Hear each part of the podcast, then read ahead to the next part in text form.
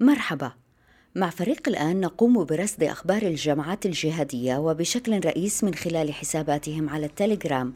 نرصد الأخبار ونحاول أن نضعها في إطارها. ماذا تعني اليوم؟ كيف ترتبط؟ بما كان أمس؟ وكيف ستؤثر في أحداث الغد؟ أنا نهاد الجريري أهلا بكم. مرصد الجهادية بودكاست على راديو الآن. في حلقة هذا الأسبوع داعش يدعو أنصاره إلى الاستنفار ومهاجمة أماكن تعتبر آمنة تقليدياً. واحتفاء داعش بهجوم كبير في النيجر قتل مئة جندي كما يقولون. وفي هذا الأسبوع نتحدث إلى الأستاذ هشام النجار الباحث في الإسلام السياسي والصحفي في الأهرام المصرية. سيحدثنا عن أهمية ليبيا بالنسبة لداعش وعن علاقة داعش بالإخوان ونتحدث إليه بعد حوالي خمس دقائق من الآن. نبدأ من أخبار داعش. صحيفة التنظيم الأسبوعية النبأ صدرت يوم الخميس 19 ديسمبر. وعلى الصفحة الأولى كان الخبر المؤجل من الأسبوع الماضي مئة قتيل وعشرات الجرحى في هجوم كبير على قاعدة للجيش في النيجر. هذا الهجوم الذي تبنته ولاية غرب إفريقيا وقع يوم الثلاثاء 17 ديسمبر ويذكر التنظيم بهجوم مشابه في نفس المكان الصيف الماضي. الصورة التي رافقت الخبر أظهرت خمس قتلى فقط. هجمات التنظيم في هذا الأسبوع وبحسب إحصائية حصاد الأجناد بلغت 60 هجوم وهو حول معدل الهجمات المعتادة للتنظيم والتي شهدت انخفاضا في فترة قتل البغدادي وفي فترة الحظر على التليجرام. أكثر الهجمات من حيث العدد كان في العراق ومن حيث القتلى كان في ولاية غرب إفريقيا بواقع 130 قتيل. في الصفحة عشرة من الصحيفة مقال بعنوان الإستنزاف المجهد هدف للمجاهدين أيضاً. وفيه دعوة لتكثيف الهجمات التي يقوم بها أنصار التنظيم مهما كانت صغيرة حتى يبقى العدو بين قوسين في حالة استنفار دائم ما يؤدي إلى استنزاف طاقة جيوش المنطقة ماليا وبشريا. وفي المقال أيضا دعوة إلى تغيير خريطة الأماكن المستهدفة بشكل مغاير لخطة الجيش الدفاعية فيدعو المقال أنصار التنظيم إلى أن يضربوا في المناطق التي تعتبر آمنة ويهدأوا بعض الوقت في المناطق التي تعتبر خطرة حتى يجبر العدو على الاستنفار في كل المناطق لبعض الوقت ثم دفعه إلى تغيير خريطة مواضع الخطورة لديه ليعود المجاهدون للتلاعب به بتبديل خريطة عملياتهم وهكذا تستمر المطاردة كما جاء في المقال. الحسابات التي تتولى إعادة نشر محتوى أعماق وناشر النيوز وجهت دعوة إلى الحصول على روابط إضافية ونصحت أتباعها بنسخ الروابط والاحتفاظ بها للجوء إليها في حال شطب القنوات المعتادة. ولفت في إحدى مجموعات المحادثة أن سأل شخص عن رقم هاتف للحصول على حساب واتساب وهمي وجاء الرد بالتوجه إلى حساب اسمه بنك الأنصار من أجل الحصول على أرقام لتسجيل دخول للواتساب والفيسبوك والتليجرام.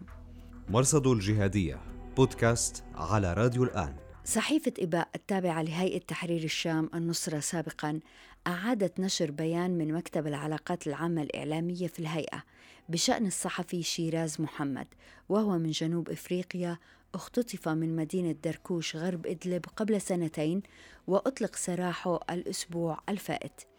البيان تبرأ من أي دور في اختطاف الصحفي وقال إن الهيئة كانت تبحث عنه وتحاول الحصول على معلومات حول مكانه وإن الهيئة تنظر بريبة إلى تلك الجهات الإعلامية التي تروج لهذا الخبر والتي تريد تشويه سمعة الهيئة. حساب ناشر المؤسسات الذي يعود إلى عناصر منشقة عن داعش يعرفون باسم تيار البن علي وأهمهم مؤسسة التراث العلمي عاد إلى العمل على التليجرام بعد الحظر لكن بحذر. تظهر القناة باسم قناة فقط وليس بالاسم المعتاد ناشر المؤسسات ومن دون وضع صورة للمعرف. نشر الحساب مقال بتوقيع عبد الله النذير العريان وبتاريخ 20 ديسمبر بعنوان صيحة نذير رسالة للمسلمين عامة ولإدلب خاصة. وفيه اليوم القلوب متعلقة بالاجتماعات الدولية والمباحثات السرية والمكالمات الهاتفية بين روسيا وتركيا.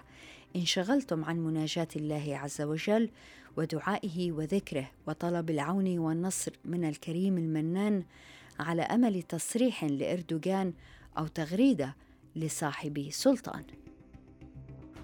ومن المقالات التي نشرت أو أعيد نشرها في هذه الفترة مقال كتب في 2015 بعنوان الإلجام للطاعنين بشيخنا أبي همام وأبو همام هو تركي بن علي. كاتب المقال أبو عبد الله الليبي يسرد كيف التقى البن علي في سرت في ليبيا وكيف أن منهجه السني السلفي لم يتغير. في رد ذلك الوقت على من قال إن الرجل تحول عن معتقده.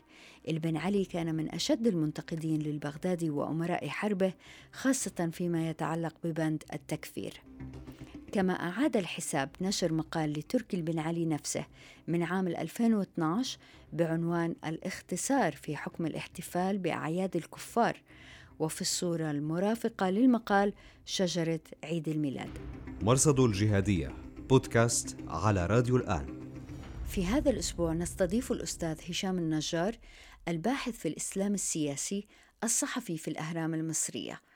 مرحبا أستاذ هشام وشكرا جزيلا لوجودك معنا. مساء الخير أهلا أهلا.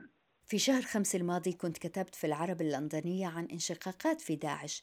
وقتها ظهر البغدادي في تسجيل فيديو وقلت في هذا المقال أنه ظهوره كان محاولة لردم هذه الانشقاقات. الآن بعد البغدادي هل الانشقاقات لا تزال موجودة؟ ولأي درجة رح تشكل تهديد لوجود التنظيم؟ لا أنا أظن إنه الأحداث تطورات الأحداث في الإقليم الوضع السياسي المصالح القوى اللي بتستفيد من داعش في في المنطقة العربية خاصة وفي إفريقيا. حاجة تنظيمات الإسلام السياسي عموما والتنظيمات الجهادية لقوة مثل داعش بجوارها كل هذه الاعتبارات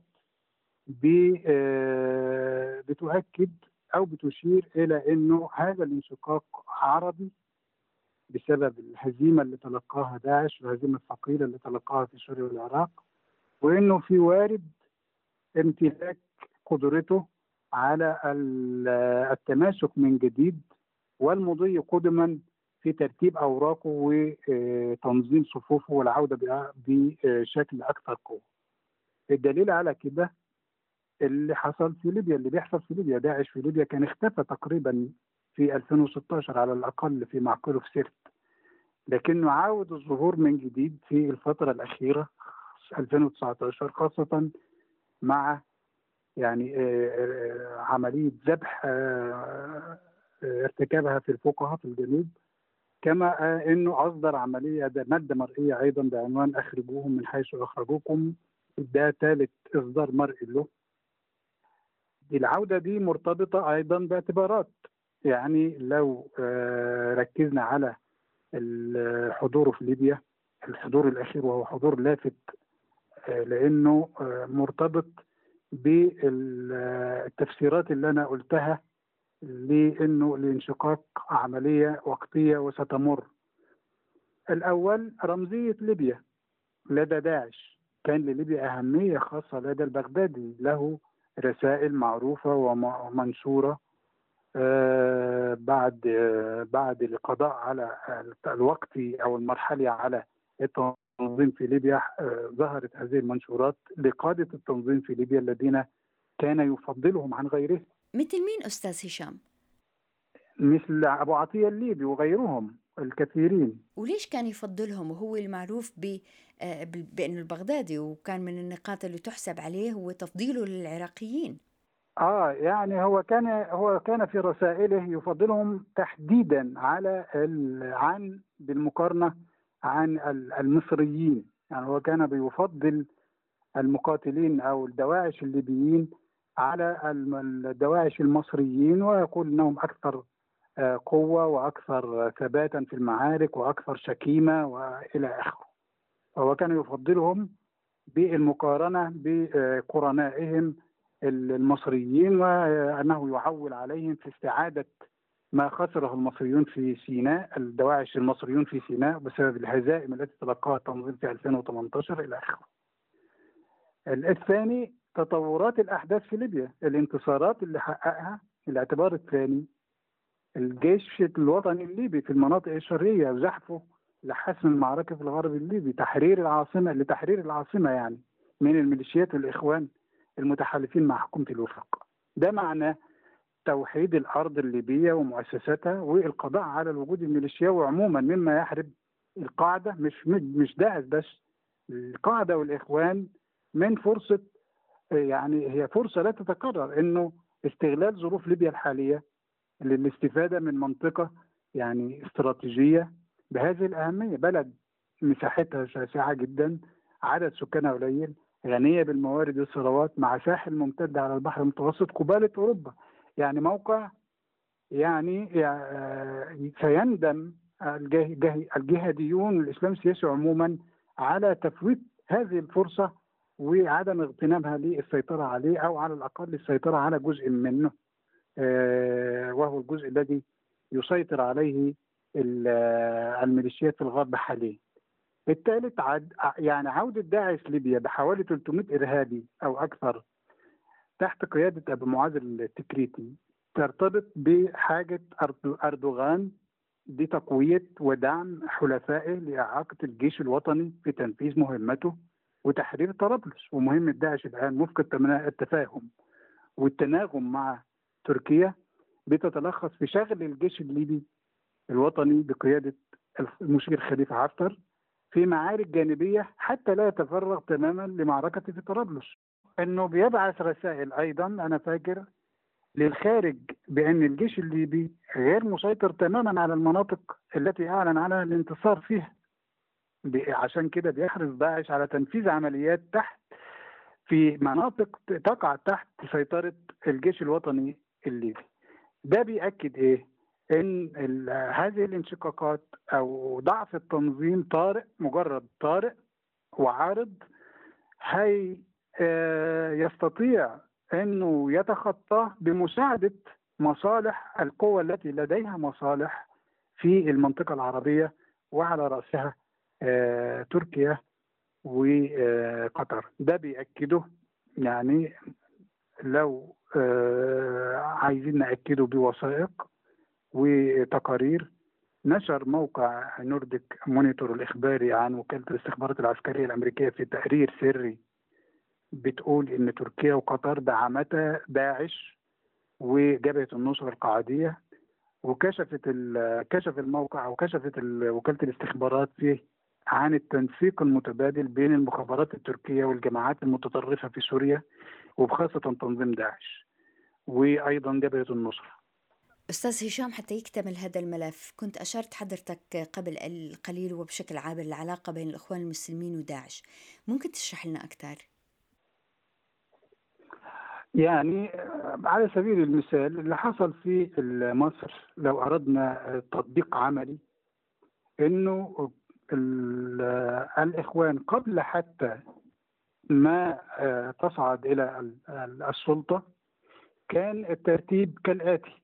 يعني حصل في 2011 اجتماع سري بين ال ال الإخوان بقيادة خيرت الشاطر في رفح واشترك في هذا الاجتماع السري قادة مندوبين عن الجهادية السلفية في غزة وفي سيناء. ومندوبين عن القاعدة. مفاد هذا الاجتماع وخلاصة هذا الاجتماع إنه يكون الحكم والسلطة في المركز في القاهرة وفي المحافظات للإخوان. وتكون السيطرة على سيناء للجهاديين الغزاويين والسيناويين كانت هذه خلاصة الاجتماع. طبعا الهدف معروف إنه الإخوان تشعر بأنها لن تستطيع وحدها القيام بمسؤوليات كبيرة في الحكم ولن تستطيع التصدي للجيش المصري اللي بتعتمد اللي بتعتبره عدو لها عدو تاريخي أيضا منذ 1952 والتصدي لقوات الأمن والأجهزة الأمنية والشرطة والمؤسسات السيادية بمفردها وأنها بحاجة شديدة لسند عسكري ومسلح وميليشياوي ووجدت في داعش والقاعدة هذا السند بتبادل الأدوار و يعني توزيع المناطق الجغرافية تحت سيطرتهم. الإخوان في الحكم وفي السيطرة وداعش مسيطرة على سيناء وتحويل سيناء إلى ولاية جهادية وإسلامية تسيطر عليها يسيطر عليها الجهاديون. وكان في المشهد حماس. لكن أستاذ هشام داعش والقاعدة إذا بيتفقوا على شيء فهو تكفير الإخوان. فكيف ممكن تنشأ علاقة علاقة بينهم غير علاقة العداوة؟ لا هو هذه أشياء معلنة. يعني المعلن إنه ال ال الإخوان بتتبرأ بشكل معلن من أي ارتباط لها مع تنظيمات مسلحة.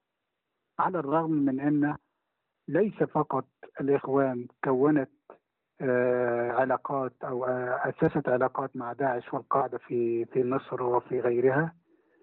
بل أنشأت وكونت ميليشيات مسلحة من داخلها دعم يعني مثل حسم ولواء الثورة. بمعنى إنه المعلن من هذه التنظيمات مجرد دعاية أو مجرد عنوان بترسل به رسائل سياسية لكن الواقع على أرض الواقع شيء مختلف تماما. مثلا حراس الدين في سوريا تكفر داعش. وهناك علاقات موجودة بين داعش وحراس الدين. يعني حراس الدين تكفر داعش. داعش بتكفره على الرغم من رغبة حراس الدين وسعيه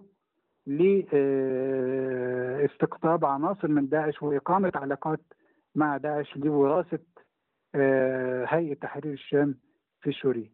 بمعنى اللي أنا عايز أقوله إنه آه قد تكون هناك أشياء معلنة تصريحات معلنة بإنه في تكفير متبادل أو في رسائل معينة تريد الإخوان جماعة الإخوان أو جماعة داعش إرسالها لأعضائها من الداخل أو لأطراف معينة لكن الواقع الفعلي مختلف تماما خاصة حتى لو نظرنا إلى العلاقة بين تركيا وداعش سنجدها يعني مشابهة لهذه العلاقة. علاقة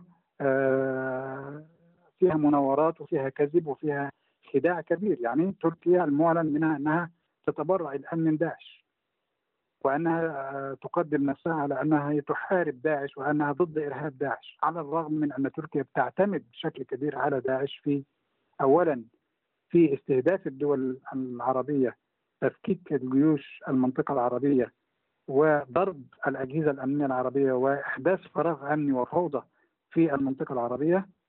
وبعد ذلك تستفيد بإظهار نفسها تركيا على أنها هي المعادل الإسلامي المعتدل وأنها هي حامي حمى الشعوب والمنقذ الشعوب العربية والإسلامية وتقدم نفسها على أنها هي خليفة والزعامة وأن أردوغان هو خليفة المسلمين وزعيم المسلمين وأنه هو النموذج الإسلامي المعتدل. بمعنى أن المعلن غير ما هو قائم بالفعل وأن هناك علاقات وأن هناك خداع في هذه العلاقة بين داعش والإخوان وبين تركيا وداعش. حضرتك قدمت سيناريو للعلاقة بين داعش وحراس الدين. خلينا نحط الموضوع في إطار عملي أكثر ونحكي عن خروج البغدادي لإدلب وما قيل عن أنه كان موجود عند واحد من حراس الدين. كيف بتشوف خروج الرجل إلى منطقة تسيطر عليها هيئة تحرير الشام وهي عدو لداعش آه ده طبعا بيأتي في إطار النزاع الحادث بين آه، الحراس الدين وهيئه تحرير الشام. هناك نزاع لأسباب كثيرة. الرغبة في السيطرة على السلاح الخطة اللي طرحتها تحرير الشام باعاز من تركيا للتسوية. آه، تحرير الشام بتقدم نفسها آه، عفوا حراس الدين بتقدم نفسها على أنها الأقرب إلى العلاقة مع داعش من آه، هيئة تحرير الشام اللي التي تناور ببرغماتيه للدخول في التسوية الروسية التركية. لكن أستاذ هشام حراس الدين هم قاعدة ويدينون بالولاء للظواهري، اذا كيف رح تنشأ علاقة بينهم وبين داعش؟ بمعنى إن حراس الدين كانت في سبيل آه يعني إثبات نفسها كبديل عن هيئة تحرير الشام التي آه أعلنت فك ارتباطها مع القاعدة وتقوية آه، صفوفها إنها آه، تحاول آه، مغازلة كل من المتشددين الأجانب داخل هيئة تحرير الشام الذين يرفضون خطط التسوية ويرفضون تفكيك هيئة تحرير الشام وأيضا مداعبة العناصر الهاربة من داعش. في هذا السياق في هذا الارتباك الموجود والنزاع الموجود في هيئه تحرير الشام والقاعدة عموما تنظيم القاعدة عموما في سوريا حدثت الوشاية لأن الوشاية خرجت من القاعدة خرجت من أحد أجنحة القاعدة في الداخل السوري. لا ننسى أيضا إنه إدلب تحت سيطرة قوات موالية وتابعة لتركيا. تركيا كانت في تفاهمات في ظل تفاهمات ما يمكن أن نصفه بالصفقة مع الولايات المتحدة الأمريكية بمعنى أنه كان في رغبة من تركيا وكان في مسعى من تركيا أنها آه، تقود عملية نبع السلام وتدخل تغزو الشمال السوري وتسيطر عليه آه، وتطرد الأكراد وتقيم ما يسمى بالمنطقة الآمنة وهو عنوان خادع للاحتلال التركي لشمال سوريا. مقابل إنه كانت هناك رغبة من الجانب الأمريكي في الخروج أو الانسحاب من من سوريا. وكانت هناك أيضا رغبة في الجانب الأمريكي للتغطية على هذا الانسحاب بإظهار نصر أو انتصار رمزي للأمريكان في سوريا. فكانت هذه الصفقة صفقة إنه آه رد النظر صرف النظر الأمريكي عن احتلال تركيا أو دخول تركيا للشمال السوري واستهداف الأكراد. وكانت هناك رغبة في انتصار أمريكي رمزي أعطاها إياها في في في في في, في سياق هذه الصفقة أردوغان بانه دلهم أو ساهم في إنه دلهم على آه، مكان المكان البغدادي أي دور سيلعب الخليفة الجديد لداعش أبو إبراهيم الهاشمي القرشي في المرحلة المقبلة من حياة التنظيم؟ آه قد يكون آه تأثيره آه في الفترة المقبلة آه غير ظاهر آه للعيان لكن هو المراد منه في المرحلة القادمة أنه ينهي تماما أولوياته أنه ينهي أو مهامه الأولوية أنه ينهي تماما الانقسام داخل داعش الذي آه، سبق توليته وسبق مقتل البغدادي. يعني هناك انقسامات وانشقاقات داخل التنظيم. يعني مهمة أبو إبراهيم الهاشمي الأولى أن ينهي هذا الانقسام آه، داخل التنظيم ويدعم تماسكه ويثبت آه، ويثبت قدمه كقائد جديد للتنظيم. ده طبعا بيعتمد على آه وده من الشواهد والدلائل اللي حدثت في الفترة الأخيرة إنه بيحاول إنه يظهر إنه في موالين للتنظيم وبيعات جديدة للتنظيم في أكثر من مكان. حدث إنه ظهر إصدارات مرئية متتالية آه تعلن بيعتها لهذا آه القائد الجديد لداعش. آه أيضا بالعمليات تنفيذ العمليات مهم جدا بمعنى إنه داعش بيعتمد على إنه تنفيذ العمليات مجرد تنفيذ العمليات فهو دعاية للتنظيم وإنه إثبات وجود للتنظيم وقدرة ومقدرة للقيادة الجديدة على إنها موجودة وحاضرة ولها سيطرتها ولها نفوذها ولها تأثيرها. وقادرة على تمويل عمليات بهذا الحجم سواء في الفرع أو في الفروع أو في المركز. أظن إن هذا الرجل بهذه الخطوات سيستطيع على الأقل تثبيت نفسه كقائد والقضاء على الانشقاقات الداخلية وعلى الاستمرار في التخفي لأنه مجرد انه هو يظل موجود على قيد الحياة في هذه الظروف ده ده منجز له في خاصة بعد مقتل البغدادي. لأنه بالطبع أنه وجوده بي يعني بيفقد عملية مقتل البغدادي رمزيتها وقوتها.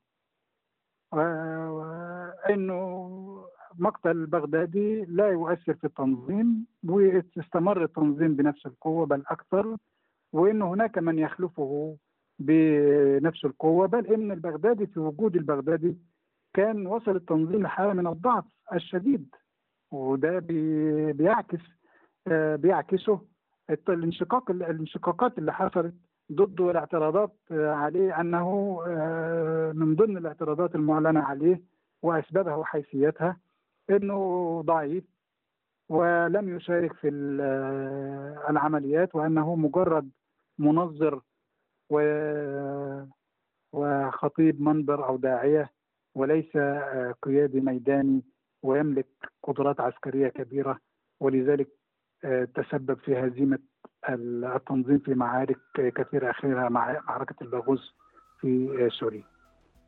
الأستاذ هشام النجار الباحث في الإسلام السياسي والصحفي في الأهرام المصرية. شكرا جزيلا لوجودك معنا أستاذ هشام. شكرا شكرا جزيلا. مرصد الجهادية وشكرا لوجودكم معنا في راديو وتلفزيون الآن. أنا نهاد الجريري مع السلامة. مرصد الجهادية بودكاست على راديو الآن.